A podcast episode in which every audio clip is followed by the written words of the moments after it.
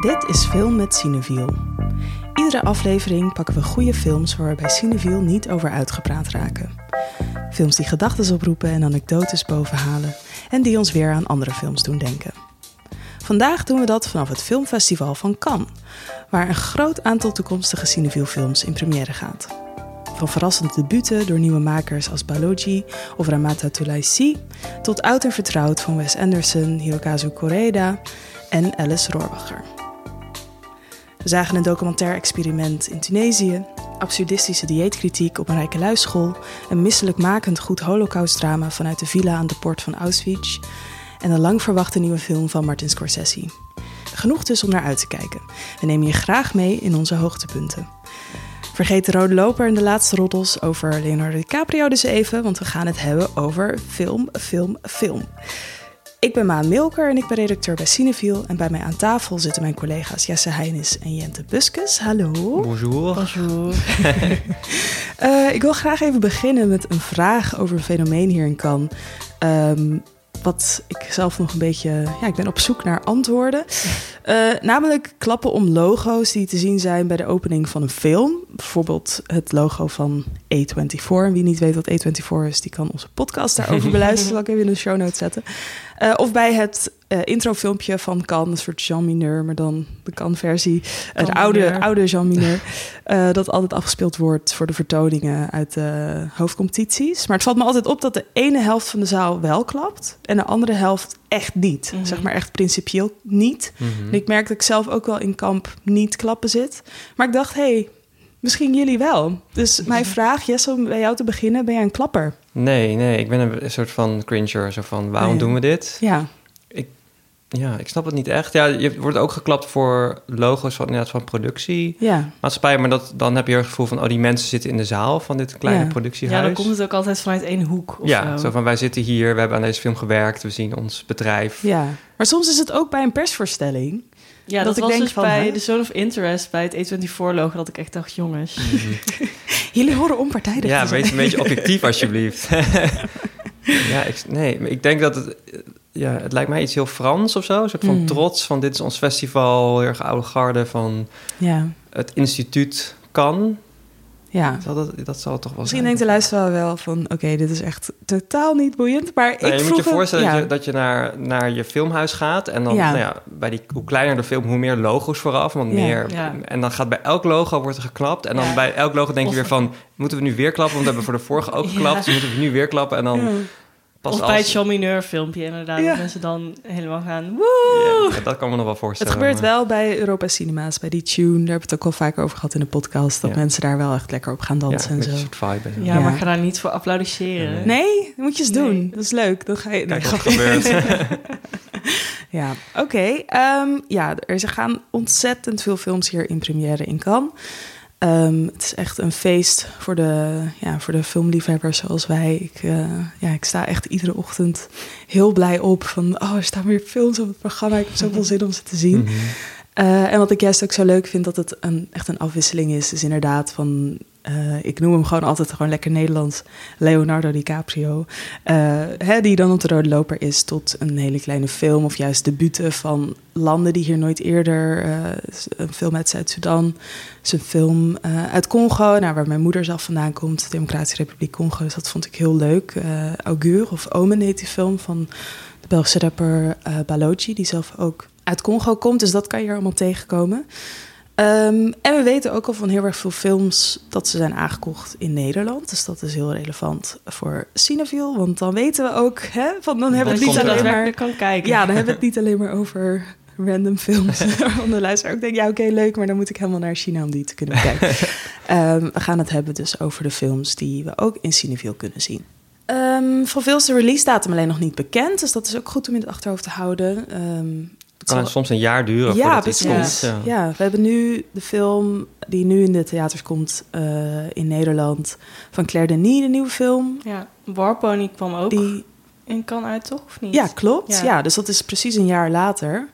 En dan zit je een jaar later je interview uit te werken. Ja. Het is wel grappig hoe dat... Wordt dan helemaal uitgesmeerd tot het juiste moment. Ja, Echt ja. Alle grote titels vanaf oktober tot Ja. aan februari, maart. ja, dan misschien wat kleiner. echt misschien, ja, of in de zomer al, of echt een jaar later. Ja. Daar wordt een hele strategie natuurlijk omheen bedacht. Ja, precies. En je hebt hier ook de eh Marché du Cinéma, waar dus ook zeg maar eh, plannen worden gemaakt voor toekomstige films, scripts worden verkocht, eh deeltjes worden gesloten. We hebben daar eerder de afgelopen twee jaar ook al podcasts over gemaakt. Die zal ik ook in de show notes zetten, waarmee we zowel met mensen hebben gesproken die hier wat eh, ja, te halen hebben, zeg maar, wat te zoeken hebben. En ehm, Op een gegeven moment dit jaar kwam Robbie Williams of zo opeens een rode loper op bij een ja. film. En maar zei van, waarom is hij hier? En toen zag ik net in mijn e-mailbox een aankondiging van de Robbie Williams eh, biopic. Mhm.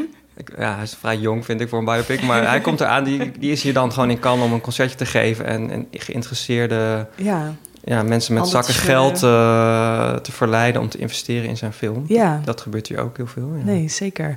Maar ehm, we gaan dit jaar maar één podcast hier opnemen in plaats van meerdere de vorige jaren. Dus we dachten, we gaan het gewoon hebben over ja, waarvoor wij hier echt zijn gekomen, los van de interviews, gewoon het kijken van films. En eh, om het ook voor de cinefielers in Nederland wat overzichtelijker te maken, noemen we allemaal één titel die er voor ons echt uitsprong.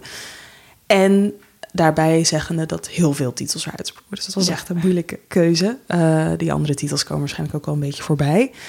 Maar Jente, de eer is aan jou om ehm, de eerste film te noemen waarvan je echt denkt... Ben die, hyped. Ja, die Mhm. moet echt iedereen in Nederland gaan kijken als hij uitkomt. Ehm, ja, misschien wel mijn lievelings van het festival was May December Mhm. van Todd Haynes, de regisseur van Carol. Eh, ik wist eigenlijk totaal niet wat ik eh, moest verwachten van die film, want ik had me niet ingelezen, als ik heel eerlijk ben. Ehm, maar het eh, gaat over een ehm, wat oudere vrouw die een relatie heeft met een veel jongere jongen, al vanaf dat hij 13 is. Hebben een gezin en daarna wordt er een film gemaakt over hun leven met een eh, bekende actrice die die vrouw dus zou naspelen. En die komt dan bij hun langs thuis om research te doen. En dat is eigenlijk de, de film, haar researchproces over, die, over dat stel en over eh, een beetje de machtsverhoudingen tussen die twee en wat voor mensen dit nou eigenlijk zijn. En het is. eh, het begint heel erg als een soort super sensationeel, true crime-achtig verhaal. Maar dat is ook precies wat het zo lekker maakt. Want het is echt heel melodramatisch gefilmd. En met een soort van hele overdreven muziek af en toe, waardoor het heel grappig wordt. Je noemde het ook heel campy, toch? Dat Ja, het is eh, super campy. Het is gewoon... Ja, het voelt een beetje als eh Mulholland Drive soms zo.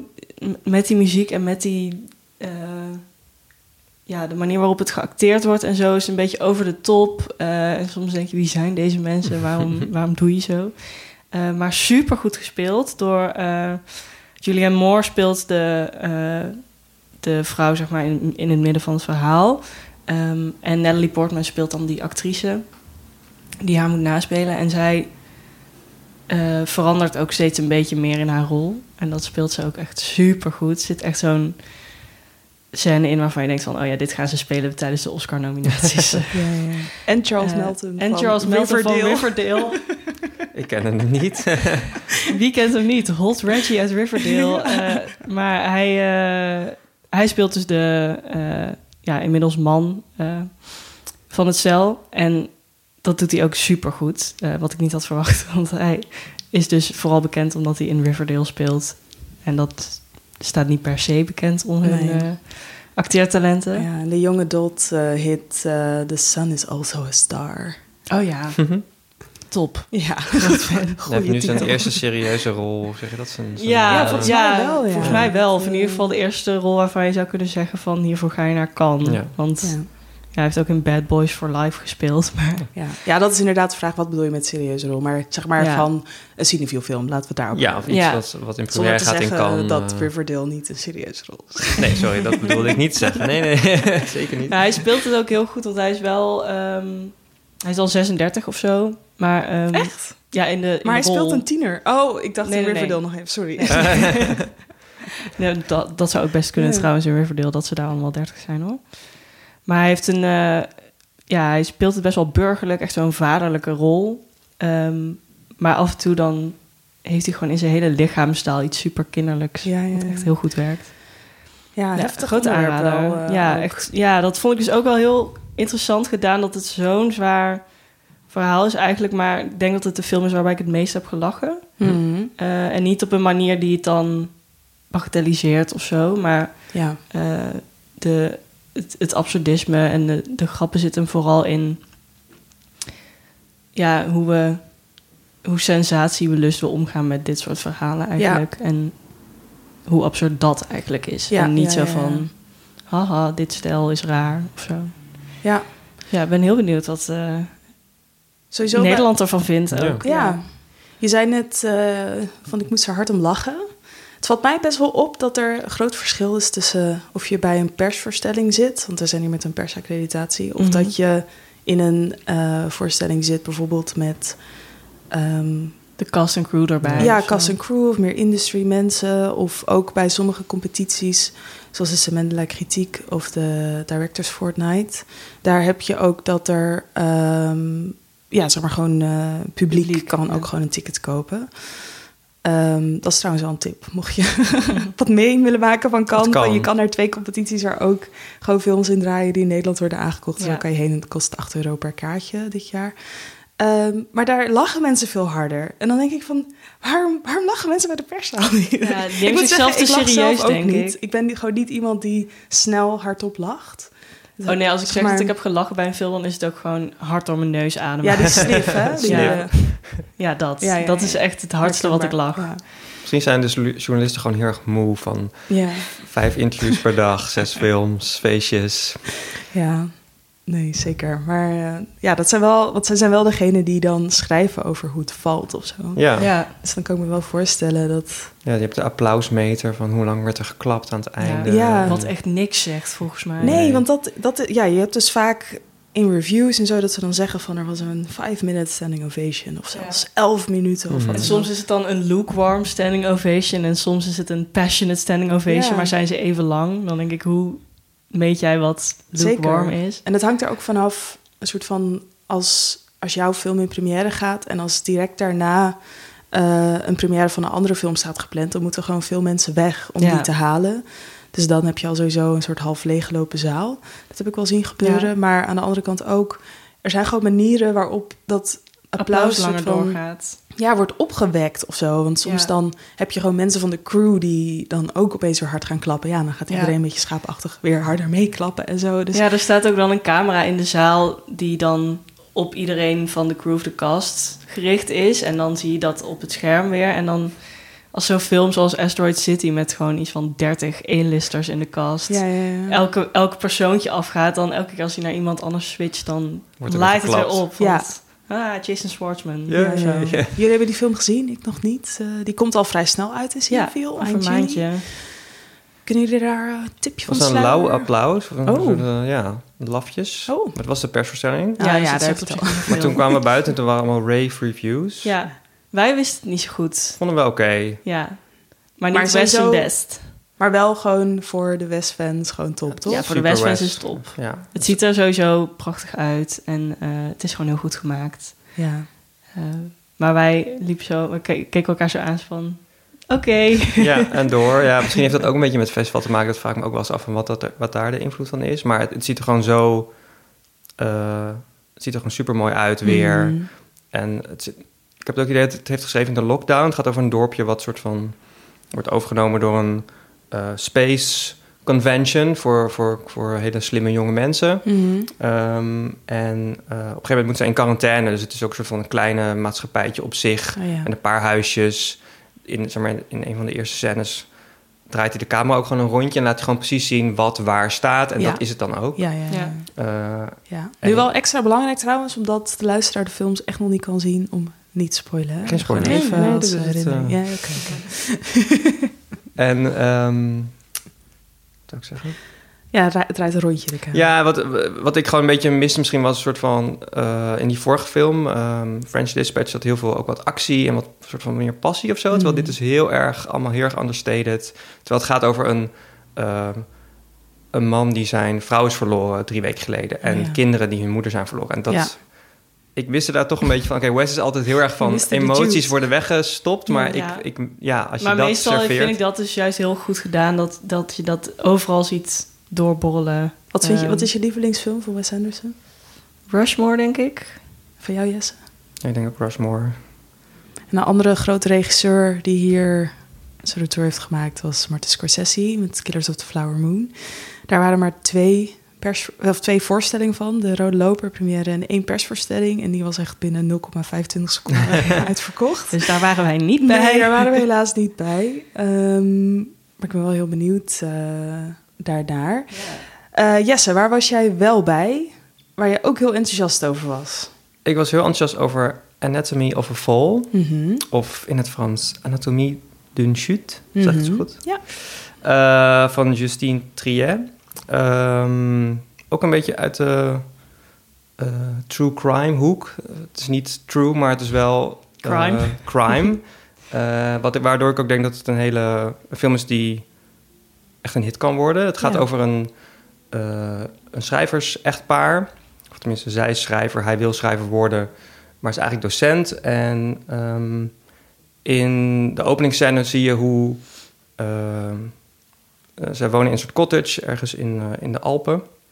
En op een gegeven moment eh, zie je een shot van dat die man eh, beneden de, helemaal beneden op de grond ligt, helemaal bebloed, dood. En dan is de vraag: eh, was het zelfmoord of heeft de vrouw hem vermoord? Mhm. En ehm, daarvoor heb je nog een openingsscène met een eh, sleutelrol voor het lied PIMP van eh 50 Cent.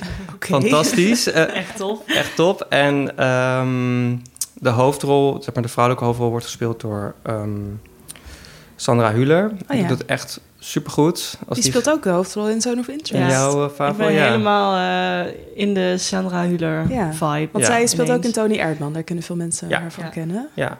En wat er eigenlijk gebeurt is, er zijn, maar, gewoon- er zijn heel weinig feiten van die man ligt op de grond. eh, hij is op een bepaalde manier gevallen. Daar kun je eigenlijk niet superveel mee. Behalve dat het ja, eerder op moord lijkt misschien dan zelfmoord. Waardoor in de rechtszaal, een groot deel van de film speelt zich af in de rechtszaal... eh, eigenlijk hun privéleven Oh, wordt ja. besproken van... oké, is de kans groter dat hij eh, zelfmoord heeft was, Ja, suicidaal was omdat hij, een, ver- of dat hij geen fijne relatie had, omdat hij een slecht leven had, omdat hij niet eh, was wie hij zou willen zijn. Of is, eh, is personage dat Sander Huler speelt zo'n enorme eh kreng dat ze in staat is tot moord, zeg maar. Mm. En ehm, ja, dat is zo fascinerend om te zien, want zij staat er gewoon eigenlijk terecht ook voor haar moederschap. Van Ja. oké, waarom eh, heb je bepaalde keuzes gemaakt in het leven? Waarom was hij dan zo ongelukkig? Waarom zou hij dan zelfmoord hebben gepleegd? Ehm, ja, dat is gewoon heel... Het is deels spannend, maar ook deels gewoon... Ja, de manier waarop op naar haar... eh, ja, hoe zeg je dat? Hoe zij wordt aangepakt op haar levenskeuzes. Dat is Mhm. gewoon heel goed gedaan. En ja, er zitten ook een aantal scènes in waarin ruzie wordt gemaakt. En dat wordt zo goed gespeeld. Ehm, ja, ik denk echt dat het eh, ja, misschien ook wel gauw Palm kan winnen. Was ook echt ja. een eh, Ja. veel enthousiaste reactie over gehoord. Ja. En ja, ook dat, eh, zij kwamen de we- ik was naar de ehm, première zeg maar, in, de, in de grote zaal. En Oh, dan ja. is- waren zij er ook bij. En dan komen ze de rode loper op. En toen, voordat die film dus begonnen was... kwamen ze de rode loper over met dat lied van 50 Cent. Echt. En ik dacht echt zo, hoezo wordt dit nu gespeeld? En toen begon die film en dan, ja, de, in de openingsscène wordt die muziek heel hard gespeeld, op repeat, zeg maar. Waardoor ik opeens snapte van, oh, dit is gewoon het nummer uit de film, maar dat is, eh, ja. Ja, normaal echt zo Bohemian Rhapsody heb ik best wel vaak gehoord. Bij- Bruce Echt? Springsteen Ja. vaak. Heel veel Bruce Springsteen draaien hier. Dat Ja. is echt... Ja. Ik, Maar ik ik, vraag me wil heel wel... graag weten wie die playlist Ja, maakt. precies. Van heeft het altijd te maken met de film? Of is het een soort van... Ja. Nee, niet per se. Want die Bruce Springsteen heb ik echt bij elke rode loper gehoord tot nu Ja. toe. Maar Ook allemaal live versies en zo. bijvoorbeeld bij film eh Banel e Adama. ehm, dat is een film uit Senegal. Daar hadden ze wel dan ook een soort van Senegalese remix. Mhm. Dus er wordt wel een beetje nummers. gekeken naar wat, eh, Ja, maar het was voor niet... het opkomstnummer of zo. eh. Ja. ja. ja, het is sowieso wel heel leuk. Dan zit je al in de zaal en dan wordt zo de rode loper gestreamd op het Ja. scherm. ja, dat is echt leuk, ja. Ik een had- beetje bij. Ja, ik had daardoor wel. Dus bij die film ehm, uh, Banel Adema. Zeg maar die Ramata Toulaisi, de regisseur, dit was haar debuut. En ze ging meteen in, uh, zat ze in de hoofdcompetitie. Dus zij maakt kans op een gouden palm. Wat echt super bijzonder mhm. is voor iemand van die leeftijd. Maar ook iemand uit Senegal. En ook uh, het type film wat het was. Het was best wel een ingetogen film met magisch realistische componenten. Het ging over klimaatverandering. Het was een soort liefdesverhaal tussen twee ja, jonge mensen die in een dorp wonen. En het was eigenlijk de keuze van blijf je in het dorp en zet je de tradities voort? Of kies je voor elkaar en ga je zeg maar buiten het dorp wonen, maar verlies je ook ja, eigenlijk je gemeenschapszin? En, um, maar zij, die, zeg maar, zij moest zo hard huilen al mm -hmm. op de rode loper. En ik raakte daar zo emotioneel van, want ik mhm. voelde echt die emotie van haar helemaal binnen. Dus ik had al gehuild voordat de film begon. En ik, had, ik, ik ging toen ook later even naar de wc, toen zag ik dat mijn make-up ook helemaal was uitgelopen. dus ik zag er echt zo heel dramatisch uit. Um, maar dat is wel heel leuk om mee te maken, weet je wel, dat je dan echt die emoties ook voelt van de crew en ja. gewoon de ontlading. Um, ik was ook naar een Iraanse film, Terrestrial Versus. En daarbij, die is ook aangekocht. En daarbij had je ook dat de crew. Nou ja, het was gewoon heel gevaarlijk voor hen om die film te maken, omdat het een kritiek was op het Iraanse regime. En uh, ja, ze, hadden ook, ze zeiden ook in het intropraatje van ja, wij wilden deze film gewoon maken, maar hadden nooit, hadden het niet gemaakt voor het grote podium. Weet je, het was voor ons gewoon een soort um, ja, gesten van verzet en mhm. onze emoties kwijt moeten voor de situatie die er nu aan de hand is in, in Iran, waar mensen gewoon worden vermoord. Um, en ja, dat was wel heel bijzonder om die mensen op het podium te zien en ook echt zo dat ze echt zo waren van ja, we doen het gewoon, weet je wel. We weten niet wat de consequenties gaan zijn, maar we doen het gewoon. En ja, dan voel je wel vereerd dat je erbij in de zaal mag zitten bij dat moment, zeg maar. Ja, het geeft echt meer lading aan zo'n film ja. die je normaal misschien gewoon in Amsterdam zou kijken of in Groningen. Zo van, ja, dan mis je eigenlijk dan... Oké, je hebt echt mensen jarenlang aan gewerkt. Ja, en, ja. En, en, ja. ja, dat is sowieso in kan wel heel erg voelbaar, het hele proces. Ik vond dat bij uh, Anatomy of a Fall ook heel mooi... dat ze gewoon na de film, tijdens de staande ovatie... zo allemaal gingen ze elkaar knuffelen... en helemaal zo vol ontlading in de armen vallen. En dan dan heb ik ook al meteen, dan denk ik, oh, halfsterretje erbij. Oh, ja. Ja, ja, ik ben heel makkelijk. Ja. Ja, een andere film, uh, ik kom zo meteen bij mijn favoriet, maar die ik wel nog het noemen waard vond, de nieuwe Koreeda. Die, de, zijn laatste Koreeda, die, of de laatste Koreeda die in Nederland in première was gegaan, die is vorig jaar in Cannes in première gegaan. Dus nu is er weer de volgende. Die zal denk ik, ja, Broker ja. was dat, daar hebben we ook een podcast over gemaakt. Dus deze nieuwe film Monster, die zal denk ik dan volgend jaar ook ergens weer rond die tijd mm. uh, te zien zijn. Maar dat was wel ook echt een film voor de uh, Koreeda-fans. Ja. Eat your heart out. Mm -hmm. En voor de niet-Koreeda-fans... Uh, ja, dit is echt een Koreeda-fan. Hopelijk ja. heb ik daarmee... Of uh, Koreeda-film, hoop ik me daarmee genoeg gezegd. Maar het is ook gewoon leuk om... Want toen liepen we... Nou, na de, de loper, zeg ja. maar. Toen liepen we even door de straten van Kan op zoek naar iets te eten. En toen zagen we een klein jongetje in een tuxedo. Die een soort van heel erg enthousiast zo om zich heen keek van... zien jullie mij, zien jullie mij? En dat was dus de, een van de hoofdrolspelers uit Monster. Die liep daar gewoon. Ja, die liep daar gewoon. Maar het was zo schattig, omdat hij echt zoiets had van...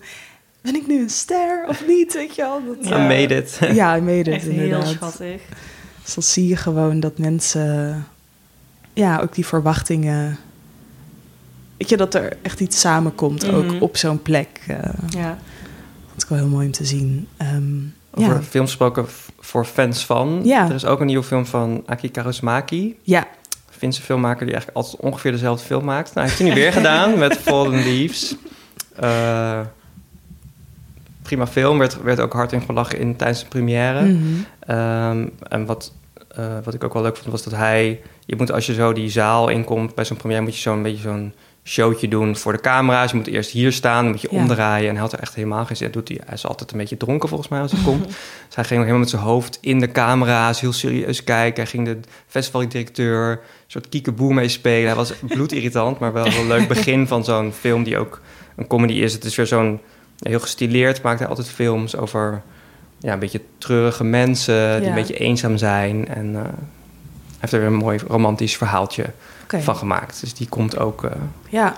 dit jaar, denk ik. Leuk.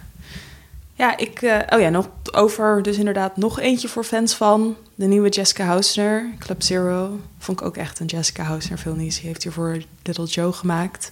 Die heeft een soort...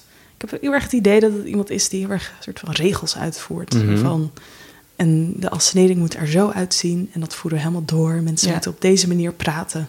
Dat voeren we helemaal door, weet je wel. Het is echt eh, iemand die het misschien meer aanpakt als een soort kunstproject... waarin de regisseur een soort totaal filosofie heeft... over Mhm. hoe alles moet worden uitgevoerd.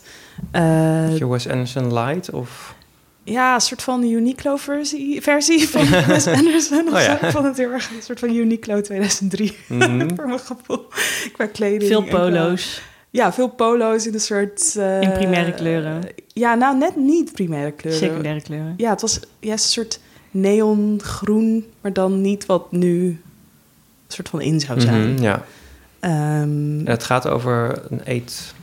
Nee, een dieetkamp ja, er is, een, er is een trigger warning aan het begin, wat je echt nooit ziet eigenlijk. Eh, maar dat zit echt in de film. Eh, voordat het een verhaal is wat aanstootgevend kan zijn voor mensen die eh, op wat voor manier dan ook te maken hebben met eetstoornis. Of daar ja, moeite mee hebben om, daar, om daarmee geconfronteerd te worden.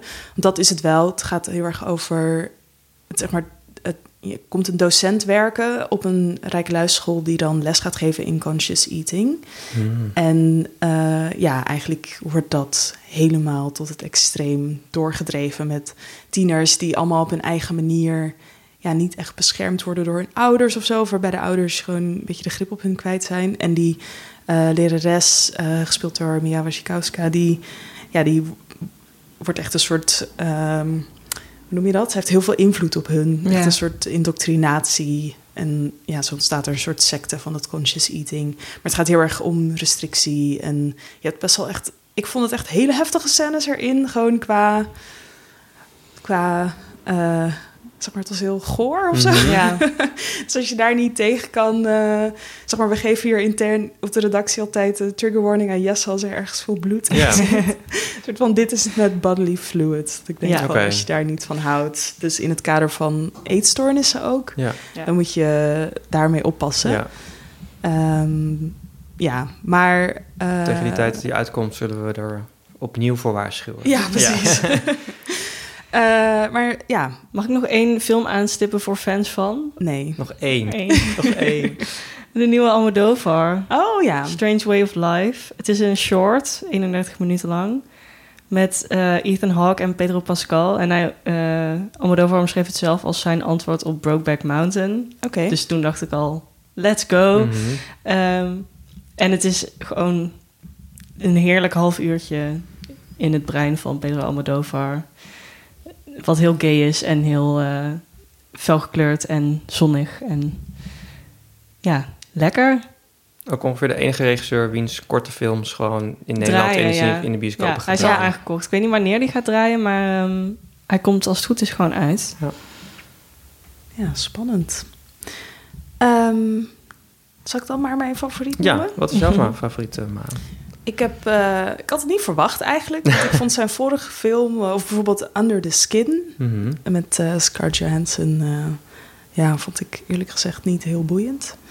Ehm, maar Jonathan Glazer, deze regisseur, heeft nu een nieuwe film, heet Zone of Interest. En daar was ik wel echt door omvergeblazen. Het, is, het gaat over de commandant van Auschwitz en zijn gezin eigenlijk. Bestaande uit een eh, echtgenoot en een aantal kinderen en hun aanhang. Dus ook zijn moeder komt langs. En ja, zij wonen echt aan eh, de muren van Auschwitz, het concentratiekamp. En de film speelt zich af ten tijde van ja, echt een massamoord op de mensen die daar eh, ja, naartoe zijn gebracht. En echt op het hoogtepunt van de gaskamers en de grote, weet je, de trein vervoeren. En ja, het is echt, eh, het is echt heel, heel heftig onderwerp. Mhm. Maar wat ik er zo sterk aan vind, dat het... Maar ik heb ook alweer gehoord dat dat ook een kritiek is, maar daar hebben we het meteen over. Het haalt eigenlijk alle, eh, het zien van alle directe leed, haalt het weg. En het gaat juist heel erg om de keuzes die worden gemaakt, eh, die leiden tot nou ja, de massamoord op eh, heel veel mensen.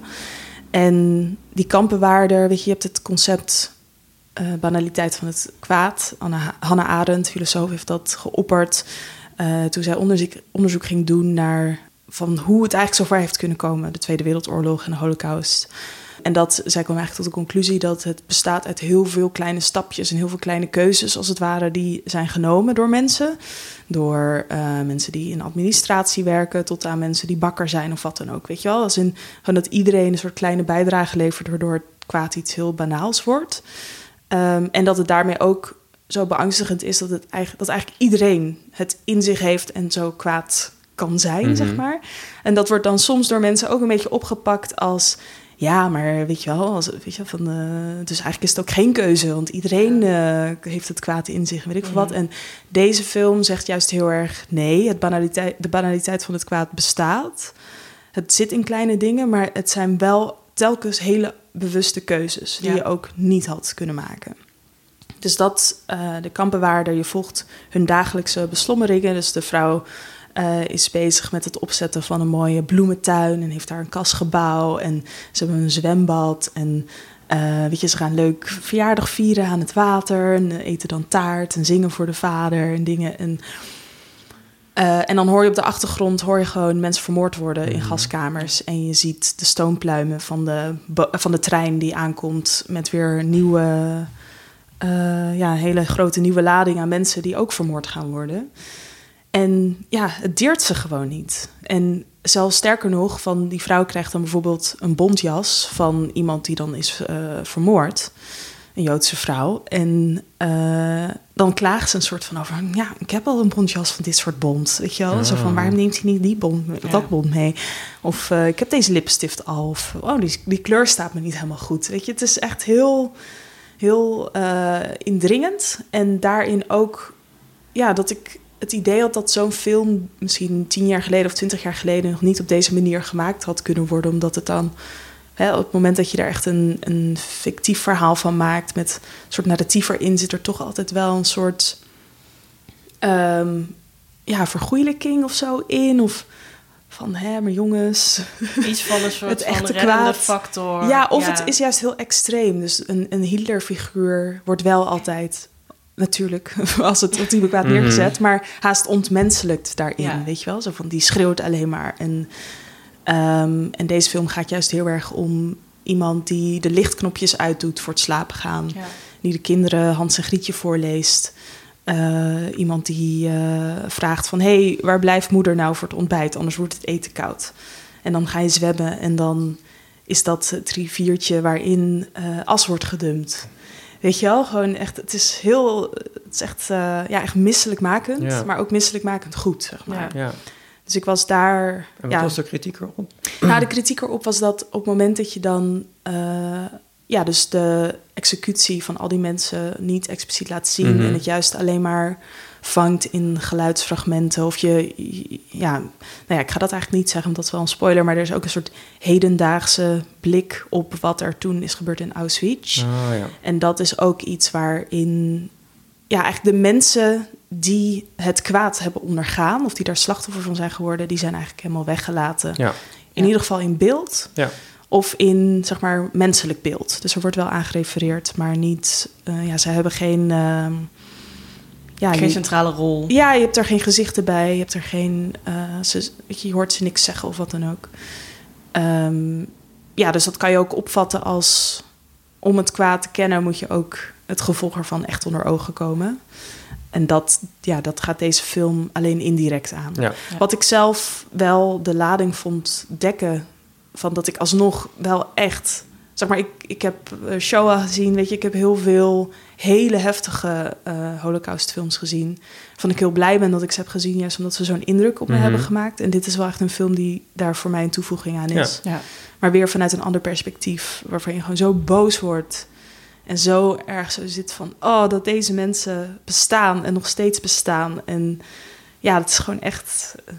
Het, het deed echt heel veel met me. Ja. Ik, raakte, ik, werd echt, ik ging echt uh, hoog in mijn energie de zaal uit.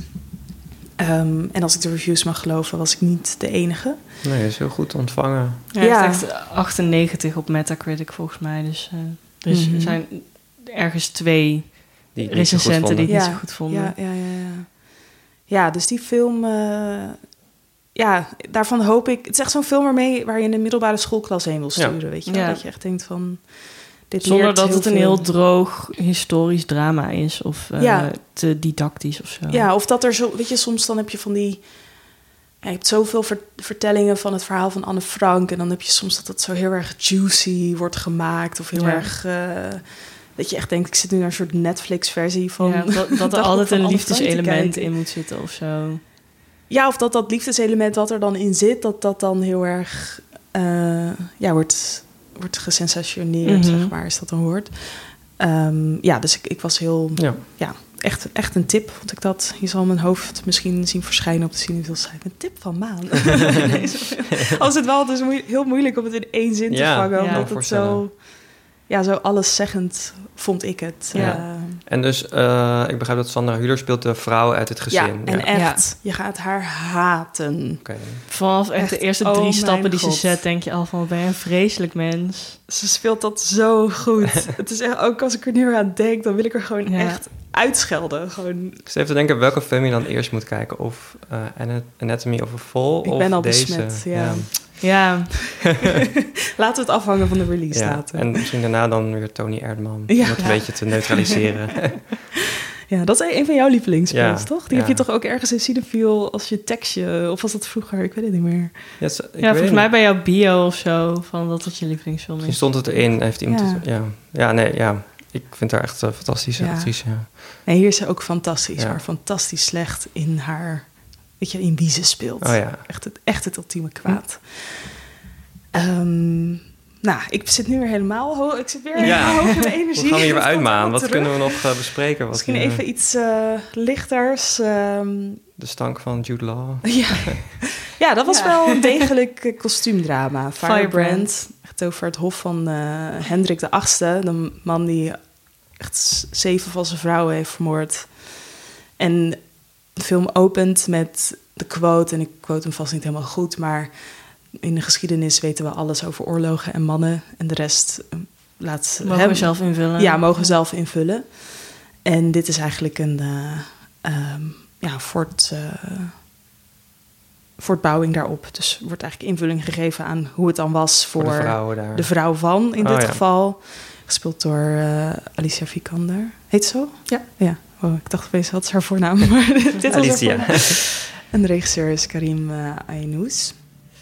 Ja, en, En- Henry eh, de Achtste heeft in deze film een wond aan zijn been. Ja, oh mijn god. die Over echt gore dingen met een minuut ranziger wordt. En, de- en toen, daarom ging Jude Law zichzelf laten stinken. Nou, eh Jude Law had ge- eh, geresearched natuurlijk voor zijn rol. Super, en professioneel. geleerd dat eh, eh, blijkbaar Henry de Achtste, ook los van zijn rottende been, eh, gewoon heel erg stonk. En echt van drie kamers verderop kon je het al ruiken. Dus hij heeft een, eh, hoe noem je dat, een parfumier, Mhm. iemand die parfums maakt, een parfum laten maken met eh, de geur van pus, poep en zweet of zo, of nog iets anders goors. Top. En ja, hij wilde dus op de set ook zo goor mogelijk eh ruiken, blijkbaar. Misschien zijn van heel die- fijn om mee samen te Mhm. werken. Misschien zijn er van die dingen waar dan over tien jaar zo van...